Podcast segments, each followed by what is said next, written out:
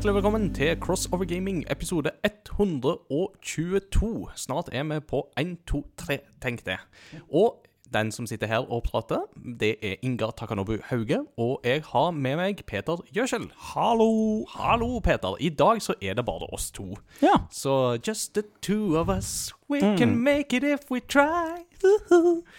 Så det skal vi klare. Men eh, Peter, nå har vi hatt mange gode gjester de siste par episodene og den slags. Og det er veldig kjekt. ja, det- Utrolig stas at vi så mange har lyst til å bli med og snakke om ting som vi og som de brenner for Mm. og er interessert i. Og det, ja, det beriker jo samtalen veldig Ja, med så mye forskjellige folk. Så det, det blir utrolig kult. Mm, en god start på 2024 der. Meget, meget. Så, eh, men, men det som jo er faren når vi inviterer så mange gode gjester, er at det Jeg, må jo passe på at du òg har det bra, Peter. Så går det greit.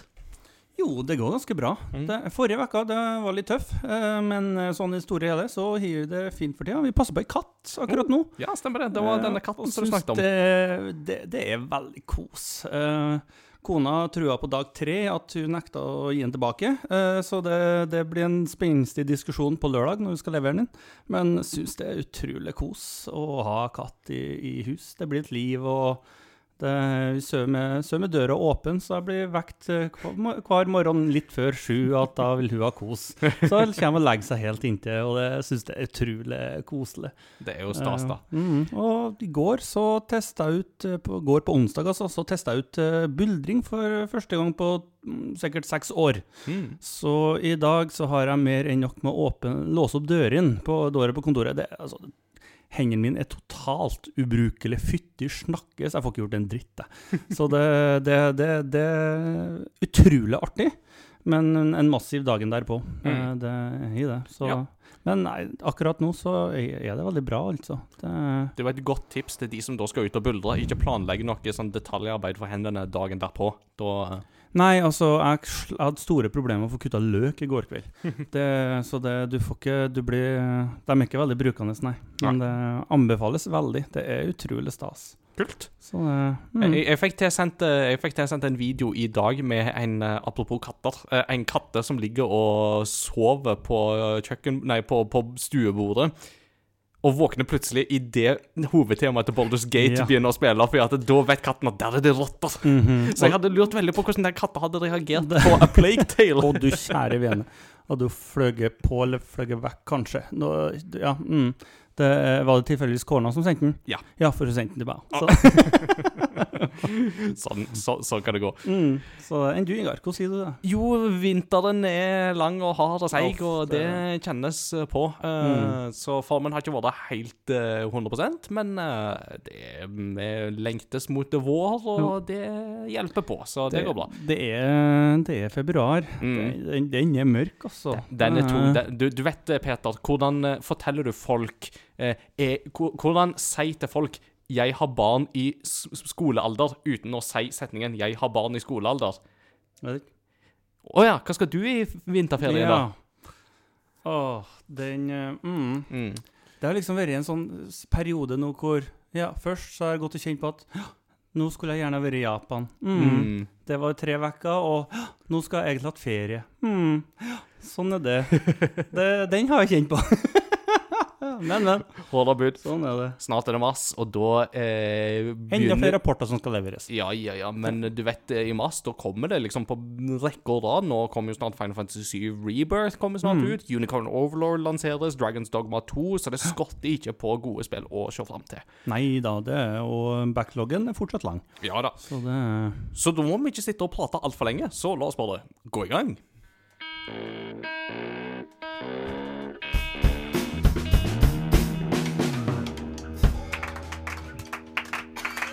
Ja. Eh, himmelsk lyd fra ungdommene. Eh, nå er det ukens kunngjøringer. Vi begynner i det litt tristere sjiktet i kunngjøringsspalten i dag. eh, nå, om ikke så lenge, så lanseres et spill som heter Euden Chronicles, som er en slags åndelig oppfølger til PlayStation-klassikeren Psykoden, som er en sånn god, gammel Konami-serie med sånn type sånn taktisk rollespill. Litt sånn Fire Emblem-aktig-ish. Litt sånn som jeg er veldig glad i.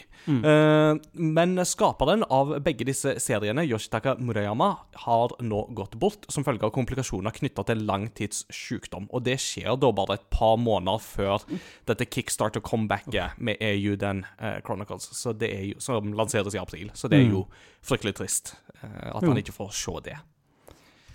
Så har det jo vært en del spillspekulasjoner eh, de siste par ukene, Peter. Det har jo sirkulert og gått en del spekulasjoner på hva Xbox og Microsoft skal foreta seg. Mm. Det har vært litt sånn uh, ugler i mosen med knytta til liksom om eh, deres spill skal komme på flere plattformer eller ikke. Og så har jo en del folk begynt å spekulere på ja, går det egentlig greit med Xbox. altså, den ligger liksom bak uh, uh, PlayStation 5 med altså 2 til 1-rate. Jo. altså at det for hver, hver solgte Xbox så selges det jo to eh, PlayStationer. Og Mm. GamePass-abonnementstallet går liksom heller ikke så mye opp.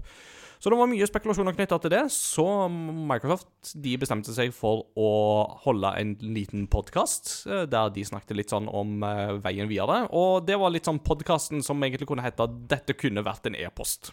Ja. Rett og slett. Eh, alle spekulasjoner om at de skal trekke seg fra både konsollproduksjon og spillproduksjon generelt, det kan bare sløyfes. Altså, Det, ble, det, det var veldig mange dommedagsteorier ute og fløy før den, eh, den var- episoden der. Det var det. det var.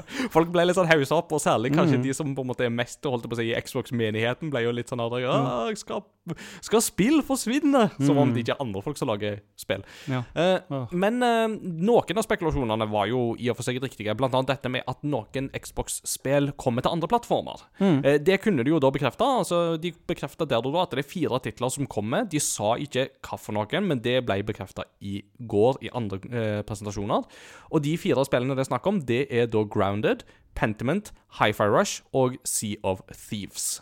Som tidligere har vært forbeholdt Xbox og PC, men de kommer nå til andre plattformer. Grounded og Pentiment de kommer da både til Switch og PlayStation 5. Pentiment er faktisk ute i dag, mens vi snakker.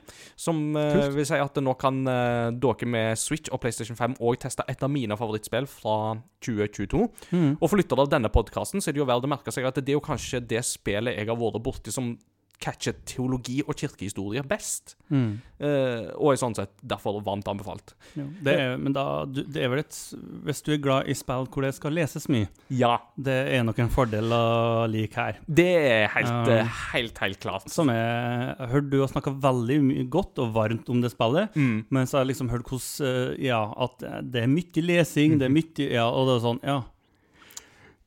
Du, Veldig kjekt å høre at du snakker om det. Og så er det, er det for meg. Men hvis, du, hvis man liker det, mm. og syns det er en veldig kul måte å spille på, og måten å bygge opp et spill på, så ja. Mm. Og, og, helt klart et sånt Dette bør du liksom sjekke litt ut om kan være noe for deg. Og jeg er veldig Mm. forståelsesfull for at dette er ikke for alle.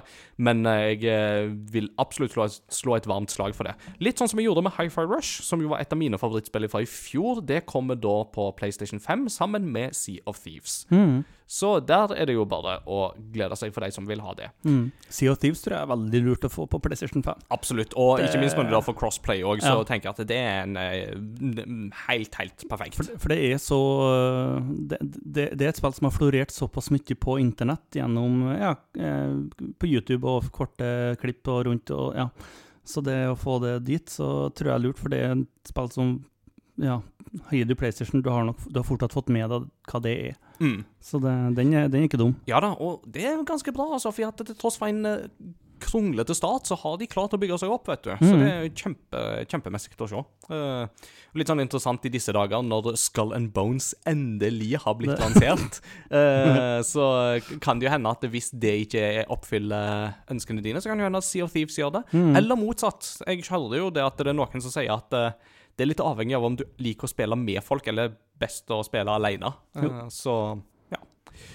Men det var jo ikke det eneste. Eh, Xbox eh, Top Zero Bond nevnte òg i dette her at Microsoft har store planer for neste konsollgenerasjon, og at eh, de snakker liksom da om den største det største konsollhoppet noen gang, snakker de jo da om. Så de er liksom litt sånn eh, Ja. ba, Bare vent på Xboxen som kommer bak meg. Han har mye større og Mm. sterkere enn meg. Eh, litt sånn eh, De tre Xboxene bruser, rett og slett. Er ikke det spillkonsollenes historie? Jo. Det er alltid en stor Det er ganske sjelden at det ikke har vært en ganske stor oppgradering. Men kult, det, kult likevel, og det viser jo at de, de satser fortsatt. Ja, samtidig som at det er jo Eh. veldig store ord for bare sånn som det hoppet fra første PlayStation til PlayStation 2, Mm. altså det, og der jo Xbox òg kom inn i løpet. altså Det er jo kanskje et av de aller største hoppene vi har sett. Ja. Sånn, i, altså i på en måte Når du ser de på en måte gradvis i forhold til, i forhold til hverandre. Mm. Så det blir veldig spennende å se om de klarer å holde ord på det. Jo, jo. Uh, Det fascinerer meg bare at de allerede snakker om det, for liksom Ja. på, Og det er jo litt på grunn av koronaen, men jeg tenker liksom Det kom jo nettopp. Ja.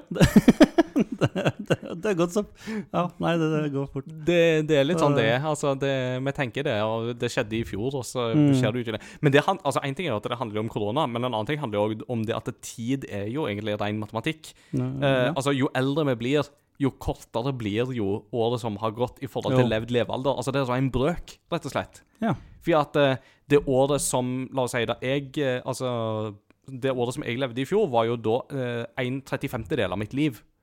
Eh, mens i år så blir jo da en 36. del, som da blir på en måte en mindre brøk. Mens altså går du lenger tilbake i tid, så var det en 25. del, og så altså en tiendedel når du er ti år gammel, og så videre og så videre. OK. Ja. Så kort, og fortalt, Det er altså fortsatt like mange minutter i løpet av det året der, da. ja men, de, ja, men de minuttene Bortsett fra i år, når ja. det er skuddår. Da er det én dag ekstra. OK, videre. Dette var ikke Det ble nerd, altså. Eh, det er jo òg da snakk om at eh, Xbox skal ad avsløre noe nytt på hardware-fronten til høsten, ble jo òg snakk om der. Og trolig så er det da enten snakk om en oppgradert Xbox Series X og S, eller til nøds en håndholdt eh, maskin. Det vet vi ikke så mye om på nåværende tidspunkt. Så, men eh, Microsoft de går ingen steder, så det, man kan bare puste lett ut der. Parallelt med det så har òg Sony i det siste hatt et sånn business partner-møte. Der har de da nedjustert sine forventninger for PlayStation 5-salget for det kommende finansåret. Og de har òg annonsert eh, i dette møtet at det ikke kommer noen førstepartstitler fra sine egne store, etablerte serier i det kommende finansåret. Så det vil si at i det neste året, Peter, så blir det ingen spill med PlayStation Studios-logoen innledningsvis. Så ingen God of War, ingen Spiderman eller videre. Men det kommer jo nok av tredjepartstitler. Jo, så- jo, så det er ikke mangel på spill. Nei. Og det er altså med den kvaliteten som har blitt pumpa ut de siste åra der, så er det kanskje greit med en liten pust i bakken, Mm. eh, og, og heller bruke et år på å ja, sikre seg at den flyten helst, da.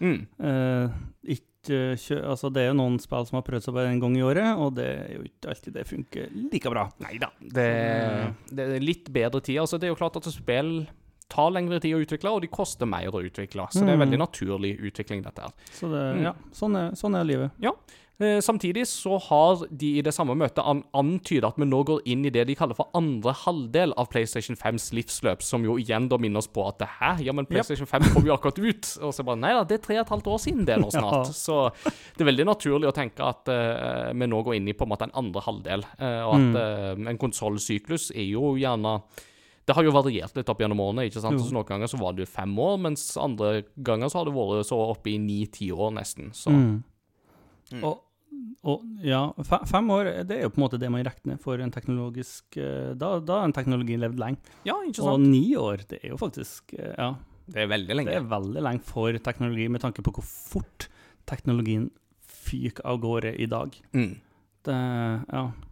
Samtidig så er det jo interessant da at både Xbox og eh, Sony, og til en viss grad Nintendo òg, nedjusterer litt sine forventa salgstall for det kommende året, som jo indikerer litt sånn både på en måte at eh, markedet er på vei til å mettes litt med den teknologien man har, samtidig som at det sier òg noe om finanssituasjonen som verden befinner seg i, eh, med både eh, dyrtid og det er økonomisk krise flere steder, politisk uro, krig, eh, problemer med forsyningslinjer osv., videre som jo gjør det at eh, terskelen for å tre inn i gamingens verden blir jo dessverre høyere pga. økte kostnader i brukerens ende òg.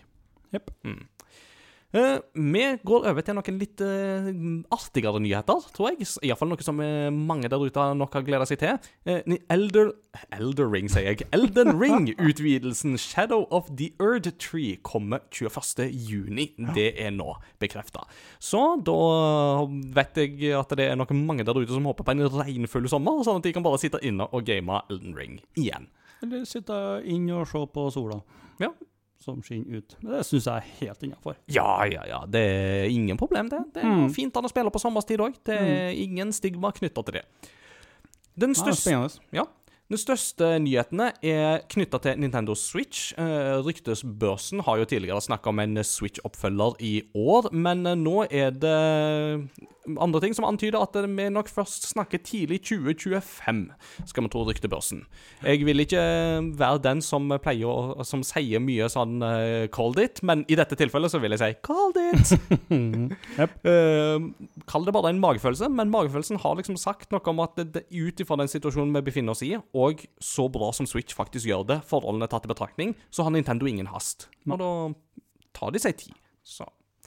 Og apropos Nintendo, det har vært en Nintendo Direct Partner Showcase, eh, som eh, da eh, har vist oss noe av de tredjepartstitlene som vil komme til Switch det kommende året. Jeg har tatt ut noen høydepunkt, så hvis jeg glemmer noe, så må du bare skrike ut, Peter. Og hvis det er noe her som er interessant, så stopper vi opp med det. Jeg så den, men hukommelse og tro, så tipper jeg du har fått med det som jeg Hvis du hadde glemt noe, så hadde nok sikkert det vært ja, Jeg husker nok ikke på det har glemt. Nei. Det var en veldig tungvint måte å si det på. Anyway, ja, kjør på. Så la oss kjøre på. Eh, Det kanskje mest eh, sånn å ja-øyeblikket, det var da de annonserte Epic Mickey Rebrushed, som da er en remaster av Epic Mickey Wii-spillet fra 2011.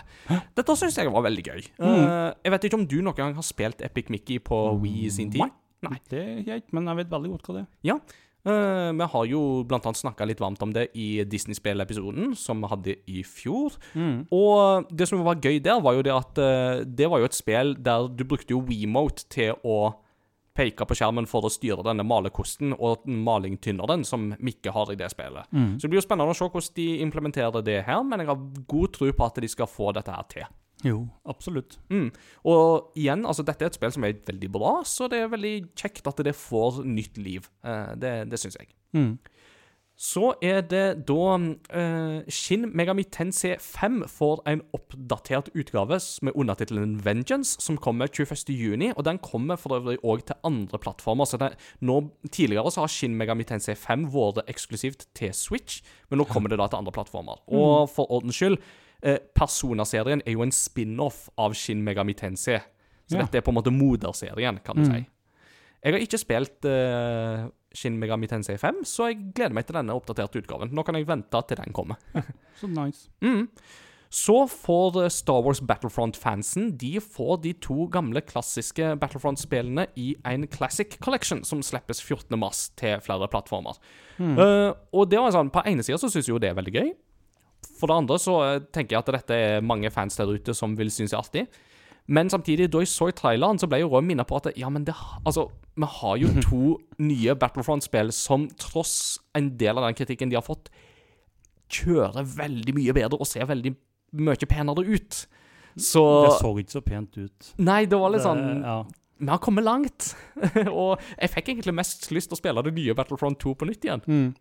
Nei, du så liksom traileren, og så var det sånn Det her så fortsatt veldig gammelt ut. Mm. Men vi må jo huske at de nye Battlefront-spillene er jo ikke tilgjengelige på Switch. Så, Neida, so det- there's that. Så det er, jo, det er jo nydelig at det kommer Mm. eh, dit. Eh, men en, en ser veldig godt hvor, hvor mye som har skjedd de siste årene. Mm. South Park Snow Day er jo et nytt South Park-spill som lanseres nå 26. mars. Eh, bare litt artig å se noe South Park-relatert på en Nintendo eh, Mm. Direct Stream. Det er jo sånn, det er jo fortsatt noe i hodet ditt som tenker at ja, men Nintendo er jo familieorientert, og så glemmer jo det at de slipper jo 18-årsgrensespill på Switch i hytt og gemeng. De, eh, de gjør jo det. Mm. Og det, det, det som skuffa meg mest der, det var navnet. Det var altfor kjedelig for South Park. Altså, med tanke på spesielt de to største spillene som har kommet tidligere her, så Mm. som er, Det er jo ordspill de går på, som ja, gjør det drøyt. Mm. Her var det veldig Ja, det ble veldig barnevennlig. Ja, det ble det. Uh, og grafikken, grafisk sett Jeg er ikke helt solgt på det ennå, men dette er et sånt spill som er sånn Jeg må se det og teste det litt i aksjon før jeg på en måte kan si noe sikkert her. Uh, mer South Park er jo veldig sjelden feil, og uh, South Park har hatt hitter og misser, uh, men de kommer som regel tilbake igjen etter en miss, så det Jo vil i så fall ikke være et problem. Så går vi til Super Monkey Ball Banana Rumble, som da er et nytt spill i Super Monkey Ball-serien, som er en sånn klassisk Sega-serie som eh, ofte har gått hånd i hånd med Nintendo. Den ble jo lansert på GameCube i sin tid. Ja. Eh, det er jo en sånn, et sånn type spill der du har en manke ma Manke, sier jeg. En Og monkey. ap- Ape. En apekatt inni Ja. en sånn mm. hamsterball, og så skal du vippe på brettet. Så det er jo ikke det at du styrer ballen, du styrer brettet. Ja.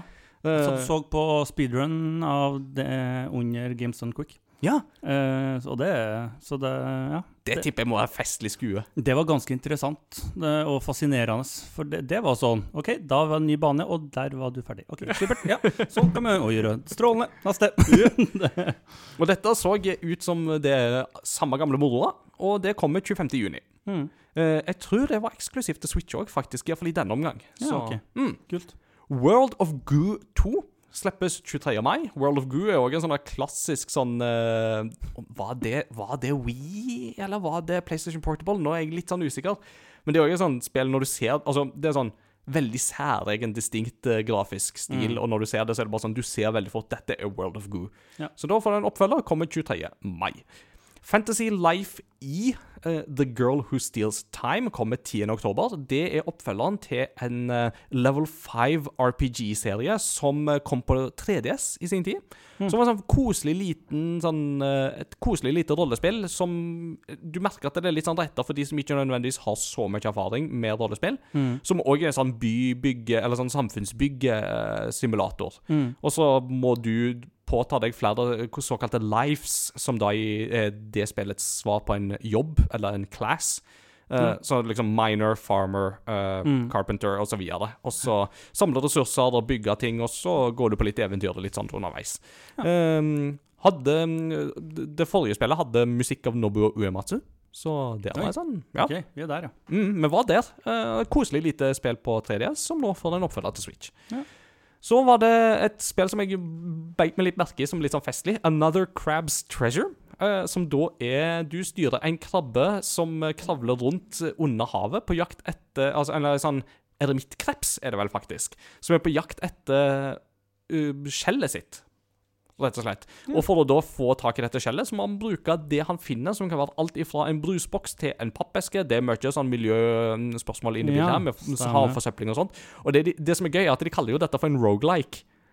Uh, eller ikke en rogelike, men en souls-like, mente jeg. Ja. Ja, så, så det, er, det er sånn Så det er rett og slett Under the Sea uh, Dark Souls edition. Wow. OK, det, det, det, det er litt festlig. Det er kjempefestlig. Ja. Eh, med stemmeskuespill og hele pakka. Og eh, kommer til flere plattformer, eh, og det slippes da 25. april. Penny's Big Breakaway det, slippes, eh, det ble sluppet samme dag. Og dette er et spill som jeg har fulgt litt med på, fordi dette er da utvikla av de som lagde Sonic Mania. Som jo er kanskje det beste Sonic-spillet som har blitt laga siden de klassiske Sonic-spillene. Mm, Iallfall blant Blant fans så er det ofte bedømt til det. Eh, Og dette er da et spill som legger seg på sånn mm, PlayStation 2-æra plattformspill, Ja, stemmer. men med moderne bells and whistles. Eh, og det er en sånn ting som jeg syns kan være litt gøy. Eh, det har òg musikk av T-Lopes, som eh, har laga kjempemye bra musikk, blant annet til originale da Sonic Mania og eh, Teenage Mutant Ninja Turtles Shredders Revenge. Yeah. Så han, eh, han får laga skikkelige grooves, altså. Så det har jeg tenkt å sjekke ut. Nice.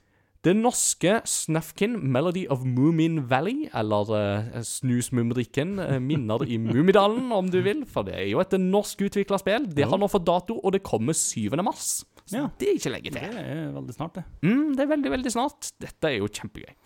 Kingdom Come Deliverance Royal Edition slippes på Nintendo Switch 15. mars. Og så kom det en del Rare-spill til Switch Online med for s Skal vi se Snack Rattle and Roll? Ja, det skal vel egentlig være Snake Rattle and Roll, tror jeg. har skrevet litt feil i kjøreplanen her. Killer Instinct, RC Pro Am, uh, Battletoads og uh, Blast Corps kommer, er da alle spill som er ute nå. Og dette er jo klassiske Rare-spill, alle sammen. Blast Corps er jo da kun tilgjengelig for de som har Nintendo 64-utvidelsen, mens de fire andre spillene er tilgjengelige for alle som har Switch Online.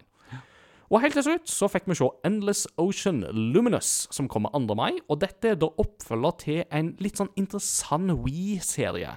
For Endless Ocean, det var en litt sånn her eh, Du svømmer under vann og ser på ting og, og litt sånn Nesten holdt jeg på å si sånn der dykkesimulator-type serie som var på We i sin tid. Som fikk et uh, ganske godt renommé og hadde sitt, sitt publikum, altså. Jeg, jeg må innrømme, jeg har aldri testa de spillene sjøl, men eh, Endless Ocean gjør nå comeback og får da online-støtte, sånn at du kan spille med ganske mange andre. Og da er det oppdaga fisk og både den vanlige sorten og kanskje den utrydda sorten, og kanskje litt den mytiske sorten. Så her var det mye spennende, og det kommer da 2. mai.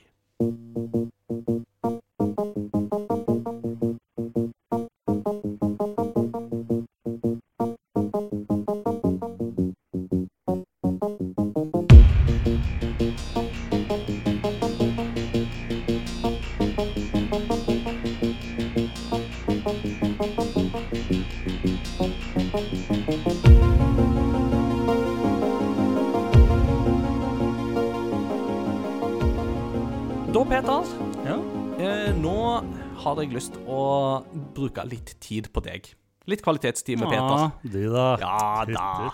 Nei, altså, vi, I høst så introduserte vi jo en eh, ny sånn liten eh, miniserie som vi kalte Min første konsoll. Og da var det jo Jon Edvard som fikk uh, prate om sitt forhold til den første PlayStation. Og i dag, Peter, så skal du foreta samme reise med oss. Vi skal dykke inn i den første konsollen som eh, du hadde, og som forma deg. Og hva konsoll skal vi til da? Da skal vi til Xbox. Ja, og da snakker vi da snakker vi om den første store svarte boksen med en grønn eh, sirkel og en X oppå toppen. mm, Og ikke minst Eh. en heftig svær håndkontroll. Ja. Det, det var en klump for små fingre.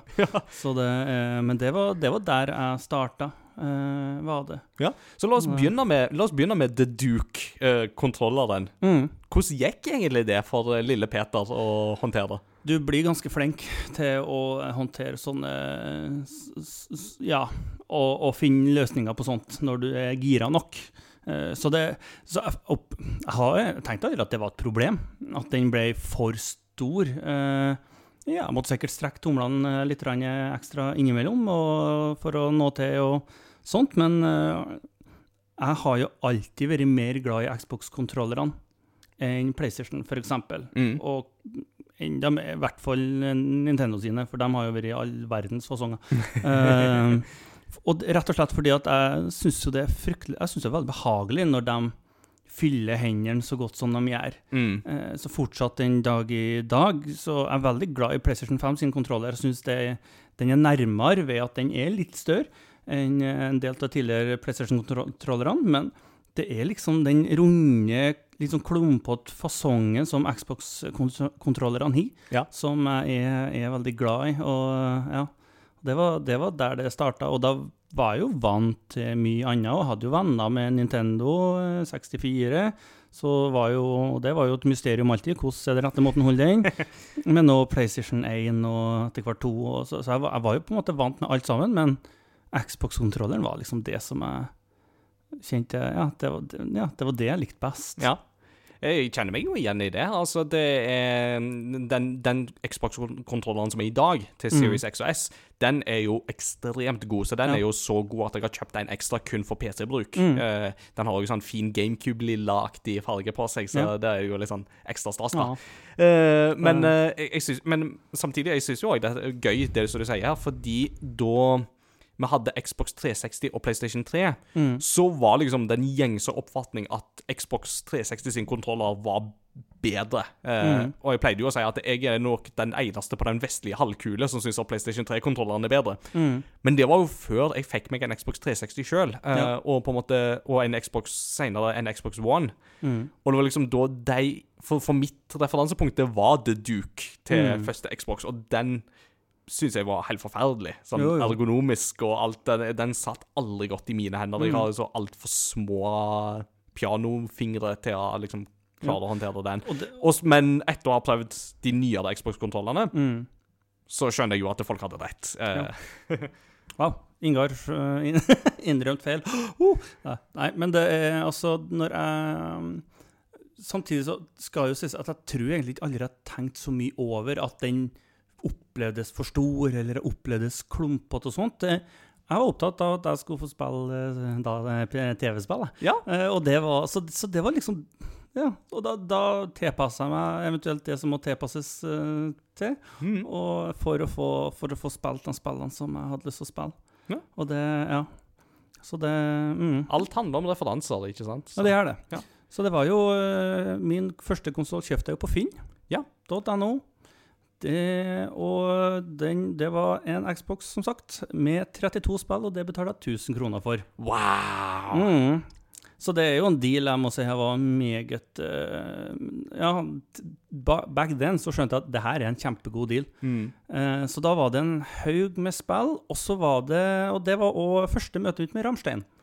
Ja! Det var derfor Stemmer, det har du fortalt før. Fordi han, ja, han som uh, eide den der Xboxen, var tydeligvis veldig fan av Ramstein, og på den Xboxen så hadde jo et mediesenter Mm. med, for å ha musikk. Og der var Ja, der var Ramstein.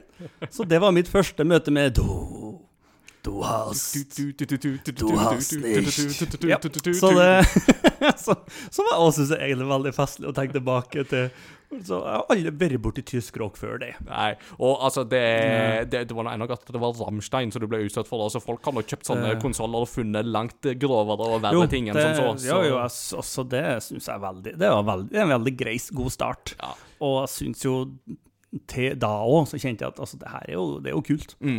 Men uh, du kjøpte den på Finn med 32 spill og fikk det for 1000 kroner. Var Mm. Ja. dette på en tid der den første Xbox var på vei til å fases ut, eller var den jeg fortsatt tenke her. Altså, Når tid i løpes, livsløpet snakker vi her? Skal se, jeg tipper at jeg kanskje gikk da i femte-sjette klasse. Mm. Eh, så da er jo den på vei ut, ja. Ja, da Mm. var nok, det var nok akkurat i den overgangen der, Ja. sånn rundt 2005-ish, vil jeg Mm. tippe, for det var da 360 kom Jo, ut. det stemmer. Mm. Uh, så det var jo eh, så, så, det var, ja, så det var jo ikke en ny uh, konsoll. Jeg husker ikke årsaken til at han skulle selge den, men det var sikkert å kjøpe noe nytt. Kjøpe nytt.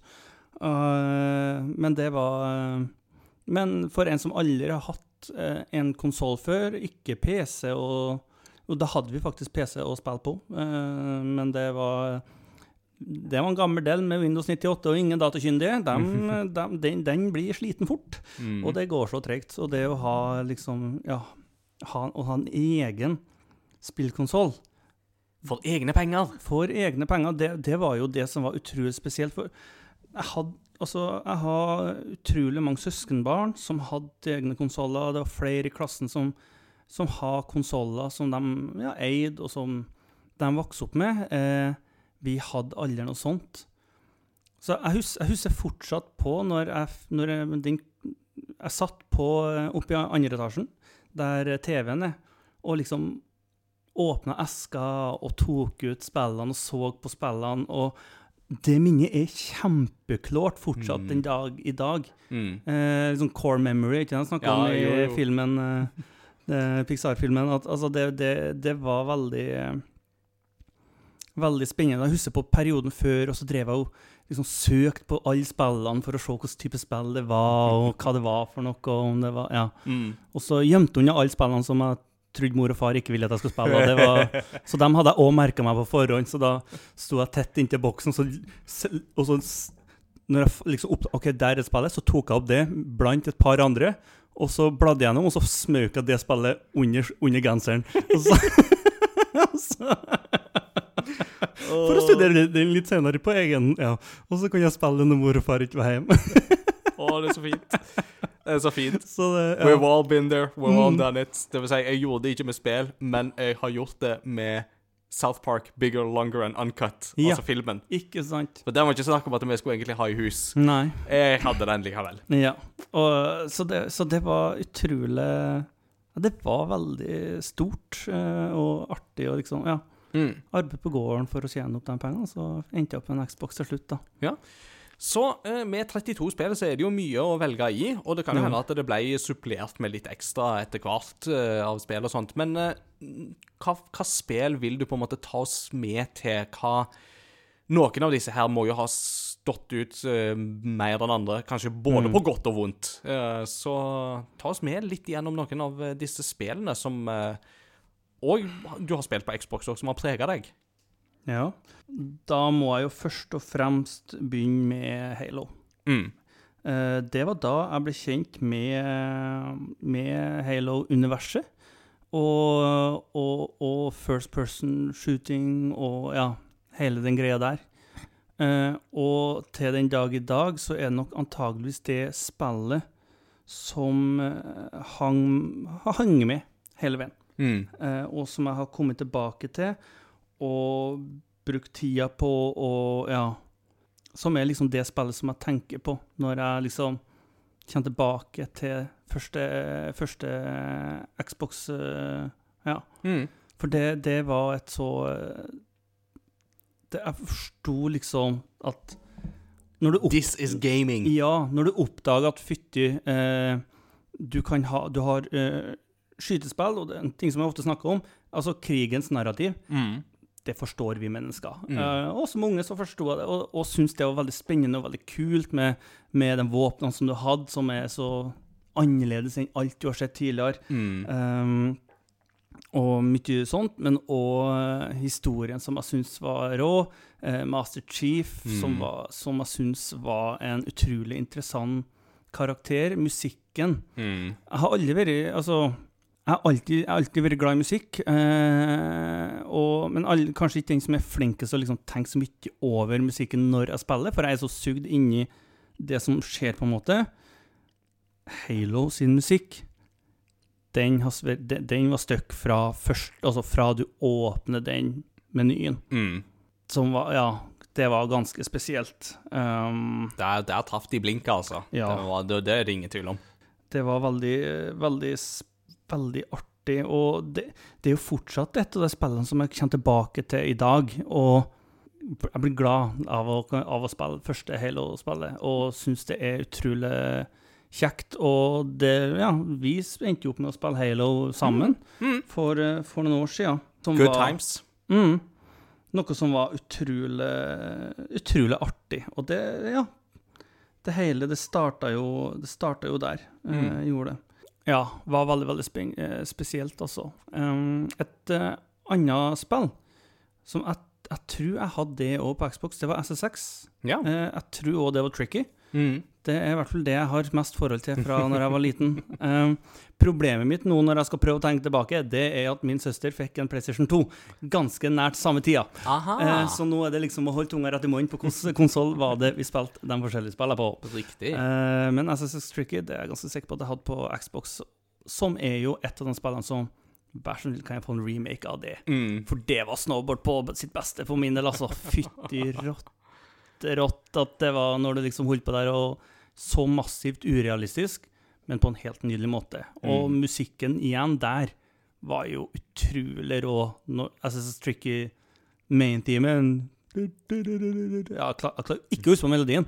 Nei. Var veldig Ja, dødsrå. Mm. Um, De har aldri klart å på en måte gjenskape den der samme følelsen igjen. Og det er så interessant det der, for det er jo litt sånn Det har jo kommet snowboardspill i nyere tid, og Mm. man har jo prøvd seg på mange forskjellige sånne ting. Og likevel, det folk på en måte alltid går tilbake til, det er SSX. Ja. Så det, det er liksom enten det eh, eller 1080 snowboarding, hvis du hadde Nintendo 64 eller GameCube. Mm. Eller eventuelt, i, i mitt tilfelle, Snowboard Kids, Ja. eh, som òg var på Nintendo 64. Mm. Eh, så det liksom Det var på en måte snowboard på sitt Kanskje på høydepunktet av på en måte den tida der snowboarding var liksom Det var så synonymt med kult. Ja. Uh, så det var jo, som Eddie Izzard sier, ikke sant Altså det er bare to posisjoner du kan ha når du står på snowboard. Den ene posisjonen er at du er den kuleste kiden i bakken, og den andre er død. Eh, men det var Ja. Altså, banene, karakterene var kule. Det faktum at du kan bare Ja, når du triksa, så ja, De slengte jo av snowboardet og flekka det rundt hodet, og det var ikke Mm. måte på hvor mye du gjorde. Og usannsynlig store hopp ned og ned gjennom byer og det ene og Ja. Utrolig rått. Um, neste det er Prince of Persia. Ja! The Sense of Time. Mm. Ja, ja, ja, ja, ja. For det var jo midt i den For perioden. det var på, det var på Xbox jeg Ja. hadde det. Ehm, og var nok det Og det var der jeg ble eh, kjent med det universet. Som jeg nå, ja, som snakka om i forrige episode, har fått et veldig godt tilbakeblikk med. Mm. Um, det spillet førte jo videre til jeg har jo endt opp med å spille, hele trilogien. Nå var vel det kanskje på PlayStation 2 jeg spilte de siste, uh, til min søsters, men ja. Uh, et univers som jeg Til tross for at det, så, det var så mange år siden det kom et Prince of Persia-spill, Mm.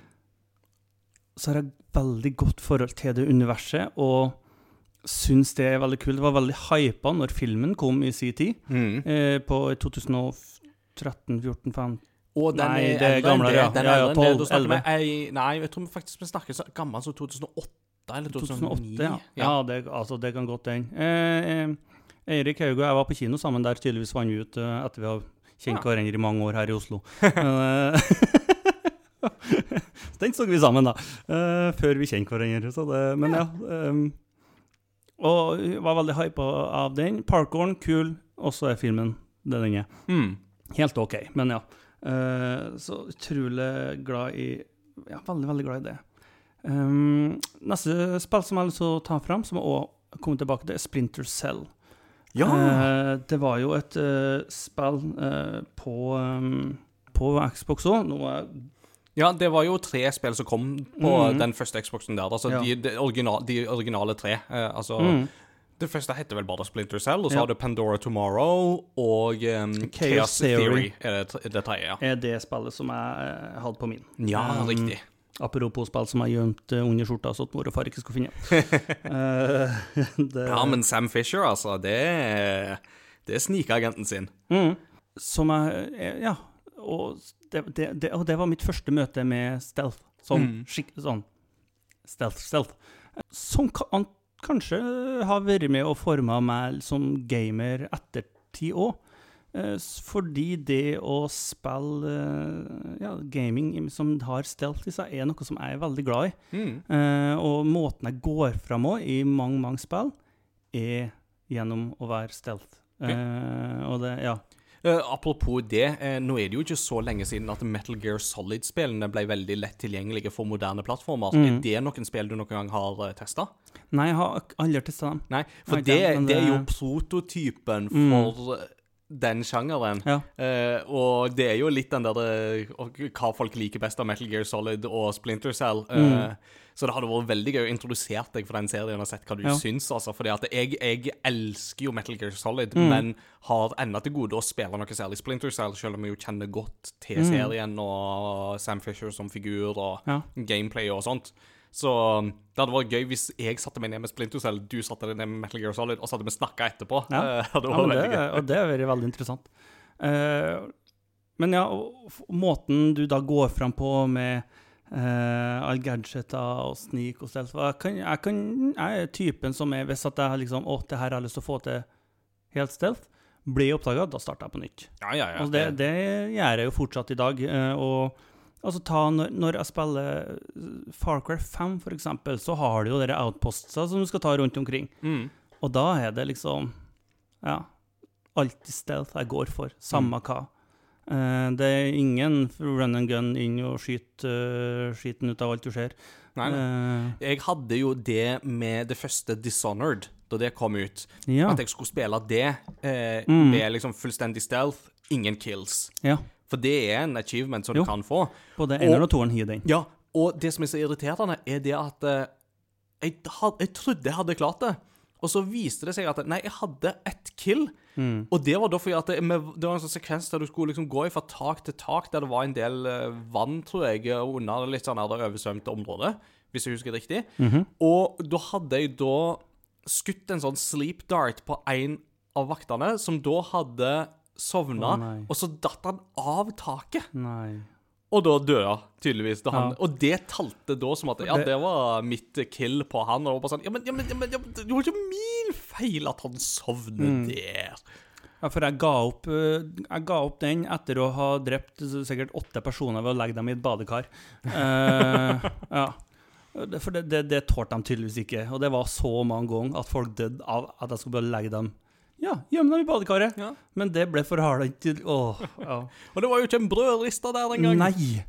Så det er sikkert et toastjern. Ja. Så, ja, og øh, Men da, og derfor så jeg digga jo de spillene. Mm. Jeg syns de er utrolig rå, og der, ja, der kan vi snakke om grafikken og alt mulig rart. da. Jeg er veldig, veldig glad i. Um, siste spill som jeg har lyst til å trekke fram, som jeg er ganske sikker på var fra Xbox-tida mi, det er Need for Speed Underground 2. ja. Um, Det var gode spill, altså, de eh, underground-spillene. Altså i, Igjen intromusikken når det starter Riders on the flow Mm. Altså, den hele den der er, altså, Det er så deilig. Mm. Nydelig peak bruk av eh, musikk i, i spill. Og det var jo det som virkelig åpna bilsjangeren for meg. Jeg hadde jo prøvd noen gamle bilspill uten at det har liksom festa seg så mye, men det så så sykt realistisk ut. Eh, Mm. Musikken var rå, bilene var liksom ja, utrolig fin, og du hadde så mange muligheter til å, eh, å kose deg i det, i det spillet der. Eh, så husker på at det var skikkelig kjekt å drive og kjøre rundt og spille med venner og Mm. he- med, med det spillet. Og det var flere som hadde det, som, som snakka litt om da på skolen. Uh, Ja. Uh, for Needs for Speed er jo et ganske utbredt eh, spill, har blitt og er og var og ja. Ja, det var jo i alle fall det på den tida der. Så Mm. var jo Need for Speed var jo noe mange av oss spilte. Jeg husker jo sjøl da jeg gikk på ungdomsskolen, så var det jo en Han hadde jo På den tida der så var det jo ikke så, så vanlig å ha skole-PC og, og sånt, men det var han ene som hadde det, og det hadde han selvsagt fått installert noe spill på. Og Mm. Et av de var jo da Need for Speed Porsche. Så det gikk det mye i på, Ja. i friminuttene. Uh, og det selvfølgelig gjorde, det. Men det var uh, Ja. Det er sånne ting som du husker fortsatt på grafikken og, og karakterene som du så, og ja uh, Som Ja, veldig gode minner Mm. eh, er det. Utrolig fint å se tilbake til også, men det er to tingene som er liksom hjertet er så til det blir veldig spesielt. Det ene er jo Halo. Mm. Um, det andre er som sagt bare det å ha en egen konsoll, som var um, noe som jeg ja, ikke på, på den tida så var det en litt sånn småabsurd at jeg kunne få råd til det. Ja. Eller få til det, fordi det var um, Ja, det å være bonde, det er ikke, det er ikke lønnsomt. Nei. eh, Verken nå eller da. Og, eh, men da hadde jeg arbeidet lenge, og så var vi heldige da, med å finne det tilbudet. Så det, det var bare sånn fytti, det er min egen konsoll. Mm. Og den, den gleden der Kjøpe noe for egne penger Mm. som er dyrt oppspart, som du har samla over lang tid, Mm. Og du har liksom jobba imot det, du har gleda deg til det, og liksom endelig få det, det, det gjør at det blir verdsatt på et helt annet nivå enn om du bare får det Ja. i gave. Eh, altså, Ikke noe galt i å få en god gave heller. Nei, altså, jeg husker jo sjøl fortsatt at jeg ble veldig glad at jeg fikk en GameCube av mine søsken, fordi Mm. de hadde gått i lag om det. Men det er jo noe med som den følelsen der. altså Det er jo den følelsen jeg har til Nintendo 64. Ja. Eh, så så det, det er liksom det, det som er, gjør Xbox veldig spesielt uh, for min del. Eh, og liksom å se tilbake til Og det er jo Det er jo fortsatt den eneste konsollen jeg eide fram til og det er jo ikke, altså, ja, neste jeg, av, jeg kjøpte meg av dat, eller gamingutstyr, var en bærbar gaming-PC Mm. etter min konfirmasjon. Ja.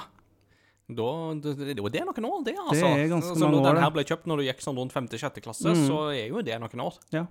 Og når jeg kjøpte den, så var det jo allerede en gammel konsoll. Mm. Eh, men det var den som jeg da hadde, og som jeg brukte og som jeg spilte på og med eh, hjem. Eh, ellers så var det liksom en til venner og, og søskenbarn og sånt for å spille nyere spill, da. Mm. Men, eh, men jeg, var, jeg var veldig glad i den. Det som største scoret i mitt liv når det kommer til den konsollen, at salten til søskenbarnet mitt av en eller annen grunn. Eh, rundt, godt opp i ung, ungdomstida. Mm. Det plager meg litt ennå, altså. Mm. Altså, fytti katta, løk maksimalt enn å kaste bort en konsoll sånn. uh, så er det sånn ah, Den er litt sår, men uh, ja. Så eh, jeg blir fortsatt glad når jeg liksom hører om eller ser en liten- en, ja, den gode, gamle Xboxen. Mm. Og eh, jeg hadde venner som hadde både PlayStation og Xbox og trofast opp igjennom, så da har jeg jo fått lov til å være aktiv gjennom dem i, innenfor eh, begge konsoller, og, og Nintendo for så vidt. Mm. Så det er Eh, Du er jo inne på noe interessant der, for da Altså, du har jo med, med de sterke røttene du har til Xbox der, Mm. så jeg syns jo det er litt sånn spennende at mm, per nå så har du jo ikke en Xbox. Eh, altså Per nå så har du jo på en måte pensa mer over i PlayStation-sporet når det kommer til den type konsoller. Mm. er det no, altså, det, har det vært noen grunn til det, utover på en måte rent praktiske eller økonomiske, eller noe sånt, eller? det, det er Hovedårsaken til det er nok kanskje det at når jeg skulle velge en konsoll, så syns jeg for min del at eh, PlayStation Exclusive eh, spill så mer interessant ut der og da. Mm. Da var det Altså, Halo var, hadde jeg et sterkt nok forhold til at det ble et vanskelig valg, til tross for at du hadde eh, God of War, uh, Horizon Zero Dawn, uh, Last of Us, Spiderman. Spider etc., etc. På, på den andre sida. mm. uh, så, så er Halo-forholdet står såpass sterkt at det alene utfordrer alle dem der til at jeg sånn ah, syntes det var, vanskelig, det var vanskelig å bestemme seg. Men så, ja Endte jeg opp på PlayStation, og så kom jo eh, eh, Xbox har jo veldig fint samarbeid med Microsoft, så det har jo ordna seg veldig greit. da, Så jeg har jo fått eh, Mm. hatt mulighet til å teste det meste uansett. Ja.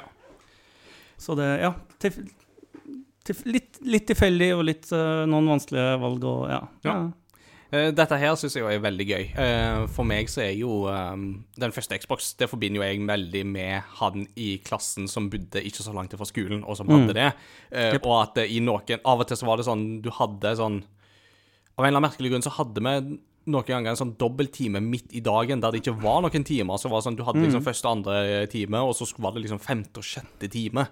Ja, Eh, så, da var, ja, så da var det liksom mellomtid imellom der, og da var vi jo flere av guttene i den klassen som da gikk bort til han, og så spilte vi jo Halo uh, 2 multiplayer, for at eh, de, var, de hadde litt oh. Penger, for å si det sånn, så de hadde jo, Jo, jo. faktisk to TV-er og to Ja. Xboxer. Boy. Og da kunne du liksom sitte i fire og fire Mm. i hvert deres rom og ha lokal LAN på den måten der, og det var jo Halo sin multiplayer, åh, den, altså, den var så bra. mm, Den er sikkert god nå òg, men jeg har, ikke, jeg har ikke fått testa det de siste åra.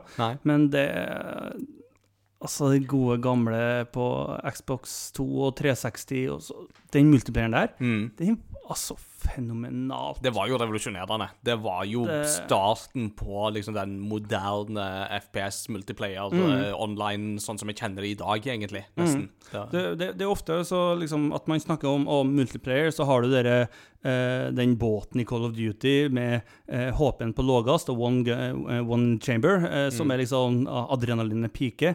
Eh, jo da, jeg husker på det, men det som piker mest for min del, det er multiplayer Halo, hvor du har en he ja, helt firkantet bane. Og så har du et flagg på hver sin side. Våpnene er sverd og hammer. Mm. Og det å sprenge med det flagget, og så hører du bare bak deg en fyr med hammer Bom, bom, bom! Når han liksom prøver å treffe deg. Altså, fytti snakk. Altså, det, det, det, det Da pumpa mitt adrenalin. Det, det var he ja, helt nydelig. Ja, det der det er umulig å gjenskape, altså. Det, Mm. Så det Ja, nei, så det Xbox, er meg. Ja. Veldig, veldig gode minner der. Herlig.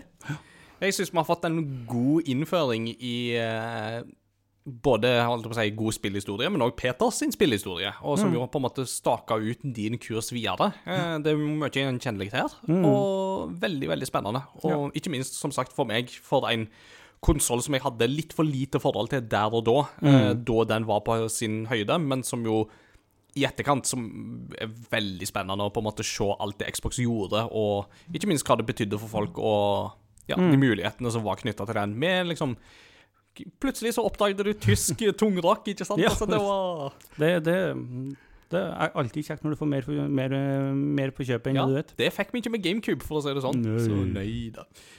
Veldig bra, Peter. Med det så tar vi en liten pause. Og etter pausen så skal vi høre litt om hva spillet som har overraska folk mest opp gjennom årene. Og det blir mer av eh, hva vi har spilt i det siste, og vi er ikke helt ferdige med Prince of Persia, kan jeg love dere. Vi er straks tilbake.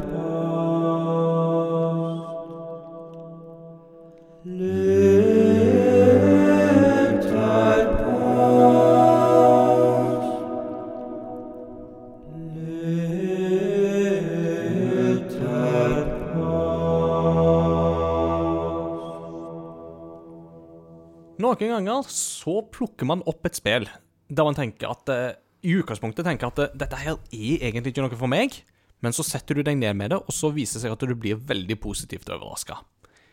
Hva spill har overraska folk mest positivt på den måten? Det var spørsmålet som vi stilte i Lytterpost denne veka her på vår Facebook- og Discord-side. Og for å være med på å svare på disse spørsmålene, så kan du gå til crossovergaming.no, så finner du lenker der til våre sosiale medier, og alt det vi gjør for øvrig. Så eh, jeg tenkte jeg skulle begynne i um, Discord. Der har Silja Lith, eller Sigrun, har skrevet Det må nok være Hades for meg. Rogelike eh, slash light-sjangeren har vært tøff for meg å komme inn i. Jeg synes det er kjedelig å gjøre det samme om igjen og om igjen, og jeg synes det er kjedelig å dø hele tiden for å måtte begynne på nytt. Spill som Getting Over It og Only Up er marerittspill for meg. Jeg liker heller ikke spill hvor mye av gameplayet handler om prøve og feile, sånn som eksempel Mirror's Edge, der du gjerne må hoppe av et hustak og håpe du lander på takrenna, som er et eller annet sted. Men Hades klarte å få meg inn i det, fordi det brukte nøyaktig de riktige virkemidlene som skulle til. Jeg er kjempeglad i story og karakterer, og det er gjerne det som skaper variasjon for meg i spill, der du tross alt gjerne gjør mye av det samme om igjen og om igjen. Hades var så genialt designet at du måtte dø mange ganger for å oppleve storyen, og for å bli kjent med alle de ulike karakterene, som har fantastisk stemmeskuespill, pluss én på Oh den. yes. Attpåtil var det flere andre storyer og karakterer som du utforsket når du var ute på en run, selv om du ikke nådde, nådde lenger enn sist. Så Hades har eh, definitivt vært en eh, god tittel der, altså. Men det liker hans. Pluss én på den. På meg, for Jeg tror det er pluss én på alle oss her Mm. eh, når vi snakker. Halv to. Ja. Mm. Totally do, som man sier på fransk. Yes. Da tenkte jeg å ta Christian Kumlesopp. Må innrømme at jeg er såpass forutinntatt at jeg sjelden prøver spill jeg ikke tror er noe for meg. Det nærmeste jeg kommer, kommer på, er Slay the Spire, som har en stil og estetikk som ikke er helt min greie, men som likevel har blitt mitt mest spilte PC-spill gjennom tidene. Ja. Det er ikke dårlig. Nei da, og altså, det, det teller. Det teller absolutt. Det er akkurat det vi egentlig er på jakt etter, Kristian. Så veldig bra. Mm. Jeg går til Facebooken vår. Der har Anders Lønning fra Spill.no og eh, gjest flere ganger hos oss. Han har skrevet 'Denne er rykende fersk'. RZ, The Jewel of Faramore. Hvordan kunne et spill laget i støpeformen av den uheldige treenigheten av Philips CDI Zelda-spillene på noen som helst måte være noe annet enn en morbid kuriositet? Jo, ved å faktisk bruke elementene fra de spillene til å lage et skikkelig fornøyelig søk-action-plattformerspill med hint og vink til spill som Quackshot, Metroid og Castlevania. Så altså, bare det konseptet i seg sjøl, at de har laga et spill med litt av den samme stilen og viben som de der fæle Zelda-spillene, som er jo mer et meme, det er jo imponerende nok i seg sjøl. Det er ikke verst. Uh, da skal jeg ta pletten, og han har egentlig svart litt for meg. Så ja. det, ja da, det her er som man skal skrive sjøl. Både The Last of Us og Days Gone er spill jeg virkelig var skeptisk til, for jeg latter og bli skremt. Pluss én. Frykten for at det var et grøssespill, skummelt spill, det er jo zombier, stemmer, holdt meg fra å spille The Last of Us til bare noen måneder før oppfølgeren kom ut. Fantastiske spill, begge to. Spill med zombier er gøy, så lenge det handler om overlevelse og ikke skrekk. Og så kan de skremmescenene i begge spill ta seg en bolle. Mm, Pluss én på den. Ap- Apropos bolle, det er det vi har i dag. Mm, Ja, nam, nam, nam, nam, nam, nam, nam. Men jo, det, ja, det er jo det som man skulle skrevet sjøl. eh, som jeg har sagt flere ganger, jeg er nok den zombiehateren som bruker mest tid på zombiespill ever. Ja. Fascinerende. Og allikevel så går det fint, for igjen, det handler jo om hvordan man, man vinkler det. Så det er jo, Og det er jo det nettopp de spillene gjør, som så såpass bra. Så Mm. Det er det. mm, Apropos det, eh, jeg tror Pletten har bedt oss om å lage en Days Gone-episode en gang, så det må vi få på plass, eh, Peter. Ja, det, Det er jeg veldig gira på. ja, det må vi gjøre. Ja. Mm. Eh, men eh, av eh, sånne s- som dette her, altså hva mm, Er det noe spill du vil trekke fram? Altså, Vi har jo allerede snakka om Hades, og det er jo en, et spill som vi begge to vil slenge oss på i den kategorien her. Mm, jo.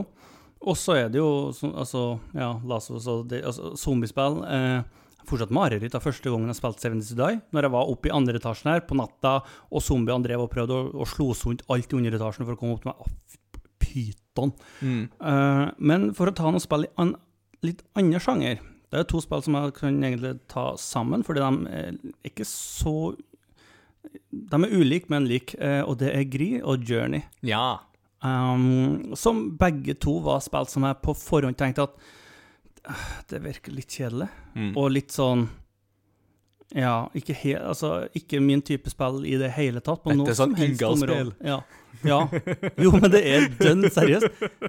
Det, du snakka veldig høyt og varmt om det, og jeg trodde jo på det, men sånn Det høres jo ikke Det, det der er ikke mi gate. Eh, eh, Journey, men kanskje spesielt Gri, Mm. for noen spill. Mm. Absolutt. Al altså, det er en utrolig spesiell opplevelse Mm. å, å oppleve de to spillene der. Um, som jeg ble veldig, veldig positivt overraska over. Så det er nok kanskje den som var liksom størst sånn OK, Skyt nå, jeg likte dem da. Ja, nei, men Mm. altså, igjen, og jeg, jeg er veldig spent på hva de som har laga Gris, holder på med. Mm. Det blir veldig, veldig spennende. Mm.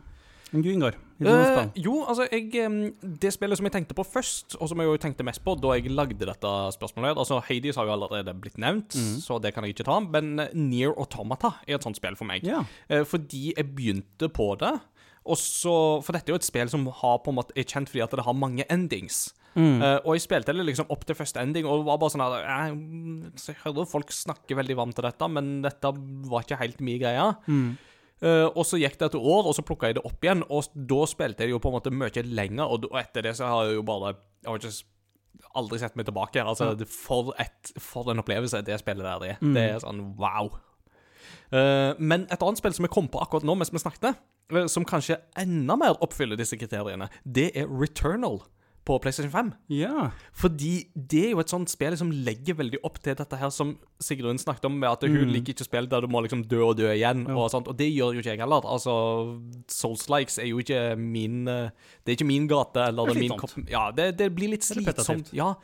Det blir litt slitsomt eh, når du på en måte har hatt lange arbeidsdager, og Mm. spill skal på en måte helst være en rekreerende aktivitet, så er det litt sånn jeg kjenner det at eh, min mentale helse er ikke liksom godt innstilt på den der dø og dø igjen-opplevelsen der.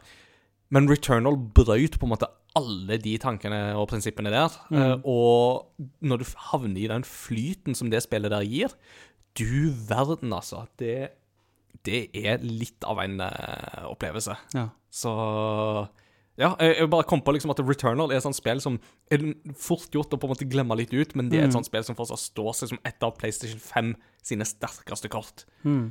Så det, det må jeg slenge inn en shout-out til.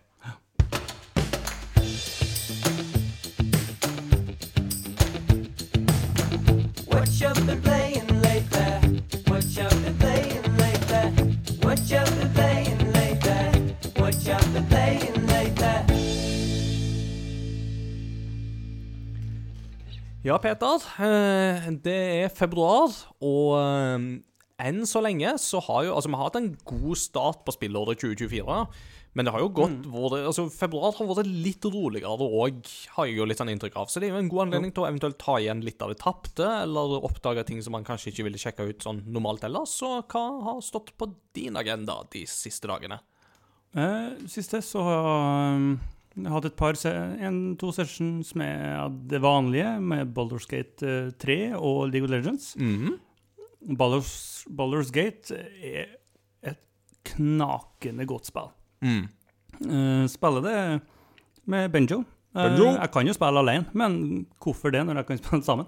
uh, og syns det er utrolig stas å spille med å sp Ja, spille det sammen med folk. Og du, det at du har så mye Altså, måten du går fram på, er så eh, åpen Mm. syns jeg er veldig spennende.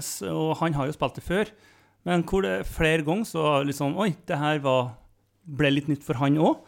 eller vi, vi hadde en session nå den, den vekka her, hvor, eh, hvor eh, ja, la opp en plan med noen fiender. som bare sånn Ja, det her brukte han så sykt mange forsøk på, mens vi bare ja. Naila eh, den konflikten. Hvor eh, ja, var på lag med den ene gjengen. For så å backstabbe dem når det begynte å passe seg, og de, var, de motstanderne var få nok. Og det er bare sånn mm, Supert. Og det, jeg ja, hatt utrolig mange fantastiske timer eh, i det spillet med han, og syns det, ja, musikken, stemninga og verden er ut, veldig, veldig spennende. Mm. Um, så det er um, Ja, du, du må glede deg den gangen du kommer dit, for du kommer til å like det her så sinnssykt bra. Det At jeg spekulerer på hva du holder på med, siden du ikke har starta ennå.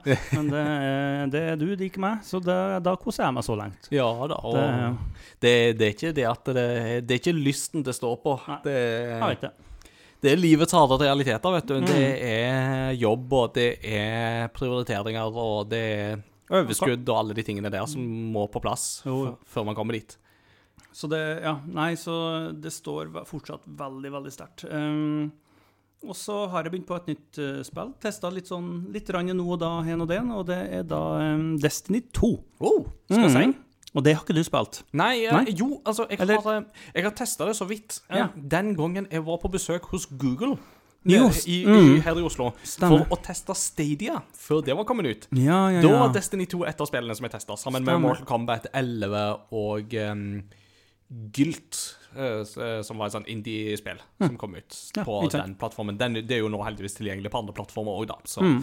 Um, men bortsett fra det så har jeg veldig liten erfaring med Destiny 2, det er riktig. Men det er jo Bungie, så det passer jo veldig godt for Halo-fanen. det, Peter, ga, det ga veldig mening når eh, Kjente jeg apropos den praten vi har hatt. eh, Bungie er jeg jo glad i.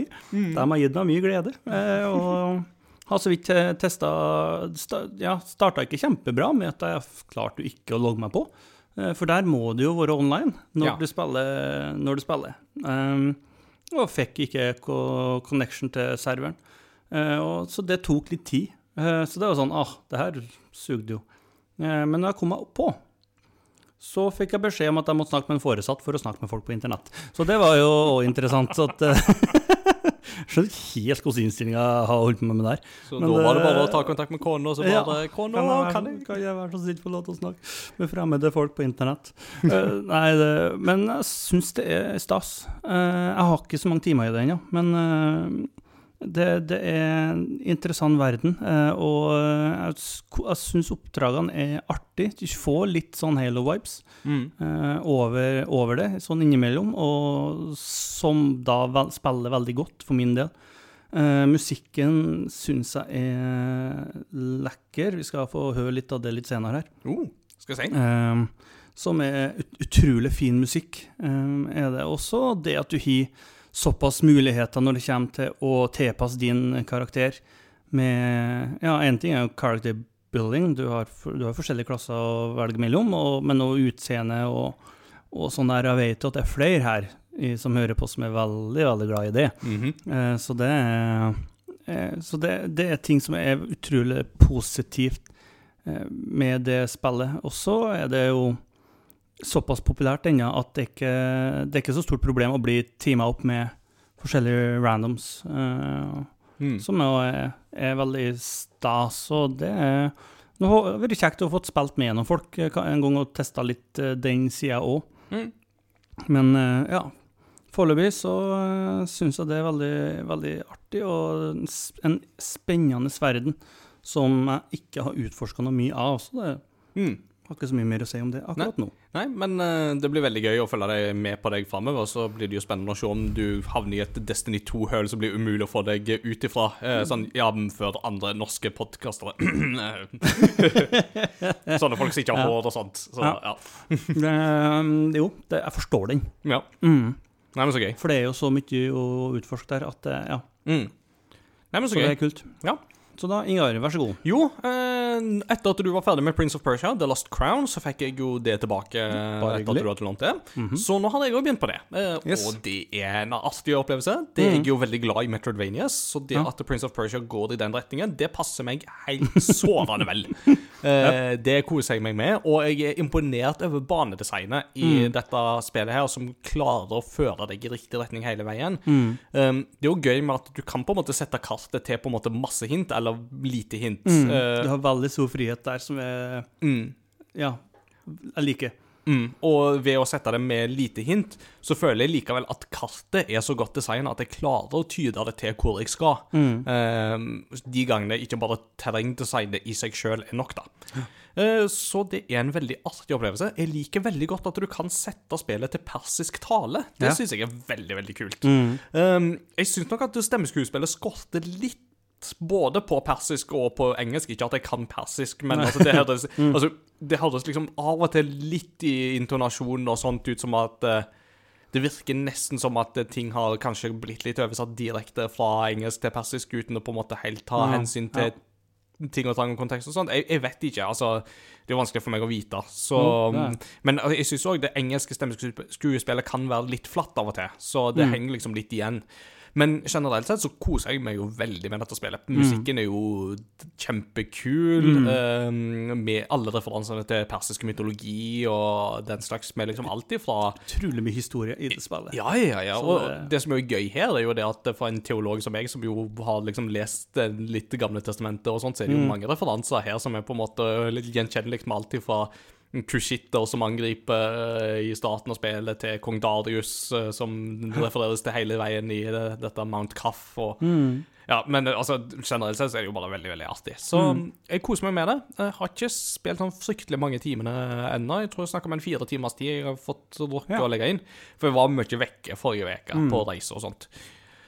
Eh, men det skal visst allerede være på en sånn rundt 10% eller noe sånt gjennom spillet, så det lover godt, da. Mm. Så jeg er på vei gjennom et bibliotek, på vei opp til The Upper Citadel. Det er liksom der jeg er kommet. Jeg vet hvor du er hen. Ja. Jeg har vært der før. Ja, du har vært der før. Å, du har vært der før, ja. Ja, ja, ja skal jeg si. Det har òg The Mad Architect. Han har vært der mange ganger før. Så Det stemmer. Nei, men kult. men det er det- veldig ja. spent på å høre, høre videre derfra. Det, det må jeg si. Ja. Så definitivt en god start på spillåret 2024. Og apropos det, så har jeg òg pusla litt videre med Tekken 8. Eh, Ja, Det, så har- vi jo på Discord i går. da. Ja, nå har jeg eh, skrevet en anmeldelse på det, og Ja. lagt ut, i, som du kan se på crossovergaming.no. Eh, og lenker finner du på Facebook og på, i Discord, så mm, ja. Eh, Jeps, jeps. Men altså, dette er en kjempesterk retur for Tekken, Mm. og det er så gøy, for at nå har de tre store innenfor sjangeren Street Fighter, Mortal Kombat og Tekken har alle kommet med nye spill i løpet av 12 må altså innenfor 12, på mindre enn tolv måneder, Ja. og alle har levert. Det er kult. Det er Åh. så kult, og det er så gøy at det på en måte dette føles som at nå er fighting-spillene tilbake. Sånn for fullt. Altså, du har jo altså, bo, altså, De har ikke gått vekk. Altså, både Tekken 7 og Street Fighter 5 fikk jo bygd seg opp etter litt sånn eh, tyngre starter og sånt. Men det føles så mye mer som at det nå, når de har lansert disse spillene, at de vet mer hva de vil, og hvor de vil gå hen, og hva som skal til da for å skape gode opplevelser. Ja. Eh, Tekken 8 føles definitivt som en sånn retur til form som er veldig, veldig god. Jeg spilte aldri så mye Tekken 7, men jeg spilte litt Tekken 6, som føltes litt ned sammenligna med spill som Tekken 5, som jeg har brukt mye tid på, på PlayStation 2 i sin tid. Her er det sånn du, du, Jeg nevnte jo dette litt i forrige episode òg, men det er det der med at du føler på en måte hvert slag i det spillet. Du kjenner liksom tyngden i hvert slag og spark når de treffer, og Eh, ja, og det er liksom Rollefigurene er liksom like bonkers som det du liksom regner med at de skal være. Og bare generelt sett så er dette her en veldig gøy take på Tekken-formelen. Ja. Og en detalj som jeg syns er utrolig kult, er det at de har lagt inn soundtrackene til gamle Tekken-spill i Tekken 8. Å, nydelig. Mhm. Så du kan velge sjøl om du skal liksom sette kun Tekken 8-musikk, eller om du skal velge musikk fra et av de andre gamle spillene, eller om du skal sette på en random av alle spillene. for den saks skyld. det, altså, det, er, det er et genialt grep for å få inn gamle mm. Tekken-ra. Ja. Tekken-entusiaster. Ja, takk. Ja. Ja. Uh, men, altså, ja, men altså, alle spill med en rik historie burde gjøre noe sånt som dette her, kjenner jeg. Altså, her har de virkelig gjort det. Og det som også er jo så godt her, det er jo det at det er, kampene flyter godt. Altså, det er, altså, det er litt ujevn bildefrekvens i filmsekvensene. Og Ja. jeg syns ikke at lyssetting og sånt heller alltid er så god der. Og det er litt sånn gøy, for at det, før så var det jo det som var liksom det store trekkplasteret med sånne spill, var jo å se sånne kule, animerte filmsekvenser. Nå føles de mer sånn sekundære, og det sier jo litt om hvor langt vi er kommet i grafisk utvikling.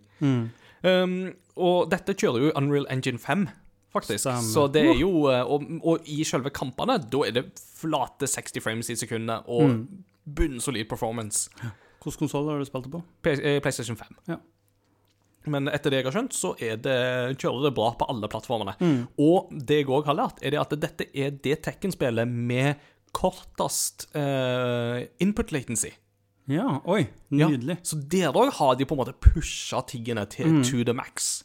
Og det er sånn Det har litt å si på sånt det, det, det, det har det. Og det er litt sånn Ser du på en måte Tekken 7 Altså Hvis du bare på en måte ser de ved siden av hverandre, så vil du kanskje lure deg litt på har det egentlig skjedd så mye. Men jo mer du setter deg ned med det, så merker du at det, det er Altså, de har gjort så mye for å få dette spillet til å gå så sømløst og så bra at du nesten overser hvor mye arbeid som ligger i det. Ja. Og det er jo er på en måte en, det er jo på en måte en seierserklæring i seg Ja, det, det er kult. Så um, jeg tror at Tekken eh, 8 det er kommet for å bli. Jeg tror at dette her er en stayer for mm. sjangeren eh, i lang tid framover. Så det er, er veldig, veldig artig. Rått. Mm, det siste som jeg har testa ut, det er da demoen til Final Fantasy 7 Rebirth. Ja, ja, Som jeg jo da ikke hadde rukket å spille til siste episode. Eh, nå har den demoen vært sluppet i to omganger.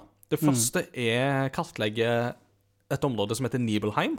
Et veldig kjent øyeblikk fra Final Fantasy 7. Ja. Og det andre det var, kom ut i går og tar for seg eh, en litt mer åpen eh, navigering og vandring i et område som heter Junon. Som òg er en for så vidt en kjent by, men altså det første Nibelheim er på en måte sånn ikonisk Final Fantasy 7-lokasjon og øyeblikk og sånt. Og jeg må si at uh, den første demoen likte jeg vesentlig bedre enn den andre. Det, jeg kan ikke helt forklare hvorfor, men da jeg satt med den andre demoen i går, så sleit jeg noe voldsomt i alle kampene. Og det er sånn Jeg har spilt remake.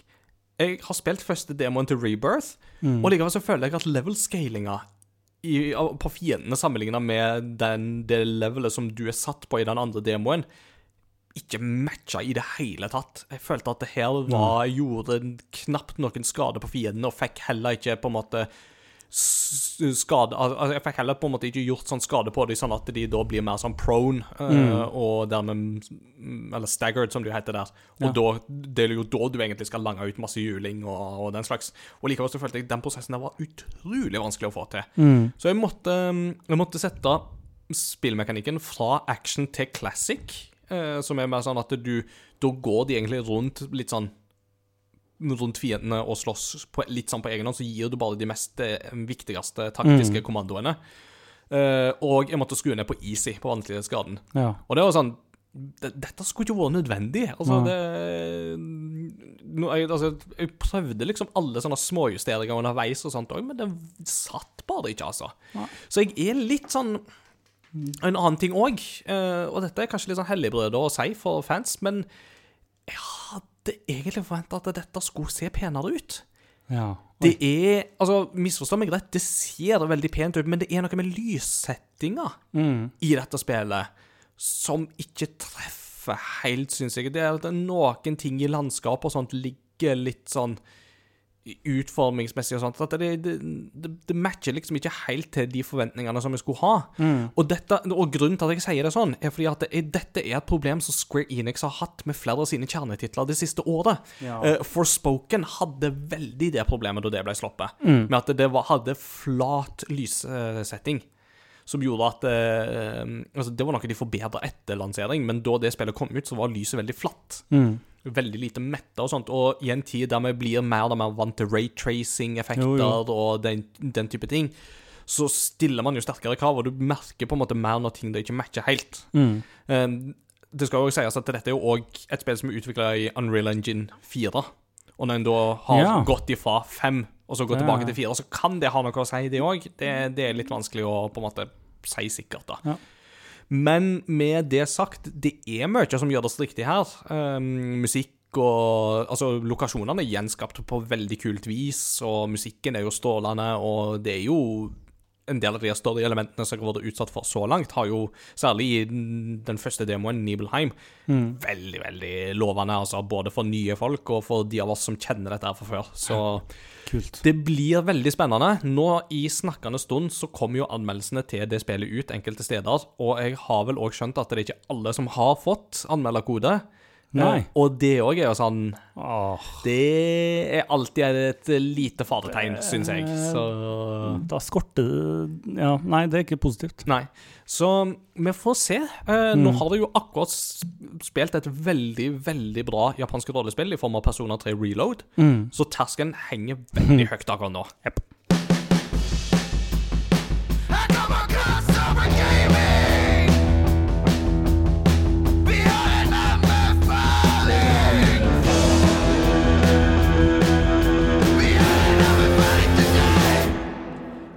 i dagens anbefaling så er det jeg som skal ta anbefalinga.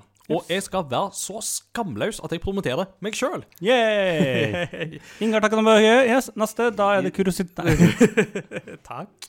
Uh, nei, uh, jeg har allerede mm, nevnt dette her i vår Discord, men jeg tror ikke jeg har nevnt det i selve podkasten, annet enn at før jul så tisa jeg at jeg holder på med et nytt prosjekt. Og det nye prosjektet det er da en ny podkast som heter Radio Ghibli. Det var ikke nok med én podkast, du måtte ha to. Jeg måtte ha to, og det, så i tillegg så har vi jo Retrospellauget òg, Ja, som så- nærmest kan telles som en egen podkast. To her, i hvert fall, This is ja. Ja, det Nei da, jeg kjenner det sjøl at jeg må passe hvor mye jeg gaper over her, gaper over, så det ikke blir for mye. er kjekt, da. Men det er kjekt, og det er jo det som er problemet. er jo det at eh, det er veldig veldig kjekt å prate om disse tingene. Og Radio Ghibli er da en podkast der vi tar for oss animasjonsfilmene til det japanske studio Ghibli. Og for de som da ikke kjenner til det navnet, så kan jeg jo nevne filmer som Min nabo Totoro, Chihiro og heksene, eller Spirited Away, som det nå heter, eh, Prinsesse Mononoke, eller Gutten og hegren, The Boy and the Heron, som jo er den nyeste filmen ut Jo. der. Mange av disse eh, store japanske animasjonsfilmene stammer jo fra Studio Ghibli, og da regissørene Hayao Miyazaki og Isao Takahata. Det, det blir flere, men det er jo de to som var med i startfasen. Så det er da meg, eh, og jeg har blitt dratt med på dette her av en som heter Leif Thomas Gjerde. Shout-out til Leif Thomas. Og eh, Leif Thomas. Eh, og det er rett og slett så enkelt som at vi prater oss igjennom hver film.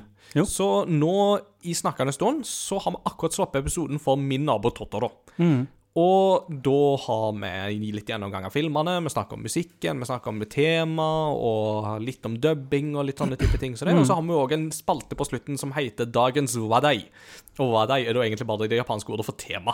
Ja. Så Det, altså, jeg har akkurat hørt ferdig den med Castle in the Sky. ja. Eh, og dem før, for så vidt. Eh, og jeg kan jo vil, Jeg vil anbefale den podkasten. Jeg er jo ikke veldig bereist i det universet, jeg har sett noen av filmene, men vil absolutt anbefale både fordi ja, du snakker jo om det du akkurat sa, men du får også får mye innblikk i japansk historie, kultur, og dere trekker veldig mange interessante tråder, syns jeg, da, til eh, mange av valgene som er gjort i filmen, og til, vår, til ekte liv som, reflekteres, som reflekteres gjennom regissørene sine liv. Mm.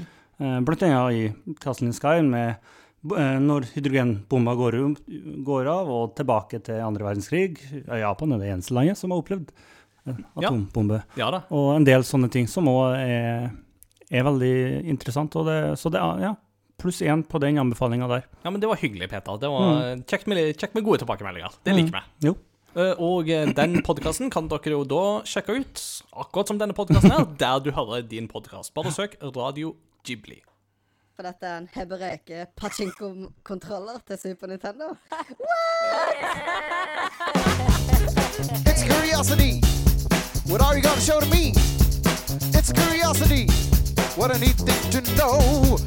It's curiosity. What are you gonna show to me? I haven't even heard of it. What a neat thing to know. It's a great part of the show. Dagens eh, kuriositet blir veldig kort, men den er tangerer til et spill vi har snakka om tidligere i dag. For uh, Peter, vet du hva spill som, iallfall ifølge uh, serieprodusenten sjøl, innehar Guinness-rekorden for lengstvarende sammenhengende historie i dataspill? Så, jeg har ikke snøring. Jeg klarer ikke å Vi har snakka om det i dag. Nei, jeg vet ikke. Det er Tekken. Det er, det er Tekken. Ja, Tekken innehar den rekorden, for Tekken sin historie har gått sammenhengende helt siden det første Tekken ble lansert i 1994. sånn, ja. Ja, ingen ja. reboots, ingen uh, sånne type ting, eller ingen liksom hopp i på en måte Nå går vi holdt på å si, 200 år fram i tid og begynner med helt nytt cast, eller Altså, Zelda-serien kunne jo på en måte ha hatt den, men problem, altså hvert spill der står jo veldig selvstendig. Jo. Eh, Tekken-spillene dreier seg jo helt og holdent om her, dette trekløveret med Heihachi Mishima, Kazuya Mishima og Jin Kazama, og deres eh, kniving og knuffing og kaste hverandre utfor klipper og ja, hele pakka der. Jeg kjenner den historien veldig lite kjent akkurat nå. Ja, det, Det, det, alle, alle tenkte over at det som er historie, det er Ja. slåssing! Ja. Det har jeg fått med meg. er Og. Altså, kule kortfilmer. ja, for folk Sånn. er jo liksom bare sånn Hæ, er det historie? Og det er bare sånn, ja, og det er den lengstvarende sammenhengende Ja historien i dataspill. Har da gått helt siden eh, 1994 og helt fram til 2024, så det er faktisk 30 år, det. Det er 30 år, det. Det er imponerende. Ja. Og vi blir gamle når det er faktisk 30 år siden. ja, jeg er gamlere enn Tekken, fant jeg akkurat ut. Så det er supert. I sånn er det. Ja, gratulerer. Og med det så er vi kommet til dagens postludium, og Mm. da lurer jeg på, Peter, hva Du har jo toucha innom det, men hva skal vi innom i dag? Da skal vi til eh, Da er Destiny 2 vi skal til, som pitcha i stad. Til liksom main-themen.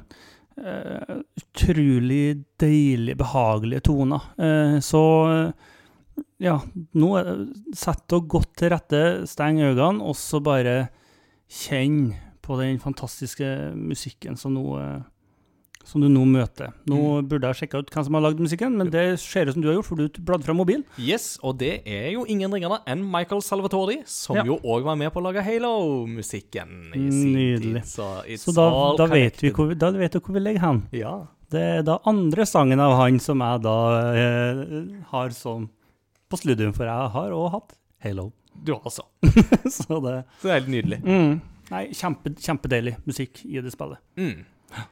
Flott, folkens. Da er vi kommet til veis ende for denne gang. Mm. Eh, husk å sjekke oss ut på Facebook og Discord hvis du ikke har gjort det allerede. Eh, tips gjerne venner og kjente, og gjerne òg helt ukjente og fiender oss, om oss. Det er Finn en random på gata Ja. og bare Excuse me, sir. Have you heard of crossover gaming? Gå dør til dør og del ut pamfletter og Nei da, du skal få slippe det. Du skal få slippe det. Men eh, tips gjerne om oss. Det, Eh, vi setter veldig pris på alle som oppdager oss. Og har du ris eller ros, så er det bare å komme med det. Vi ja. tåler det. Så mm, ja. Mm. Sjekk oss ut der du finner sosiale medier, og der det er podkaster tilgjengelig. Og vi snakkes ved neste korsvei. Ha, ha det bra! bra.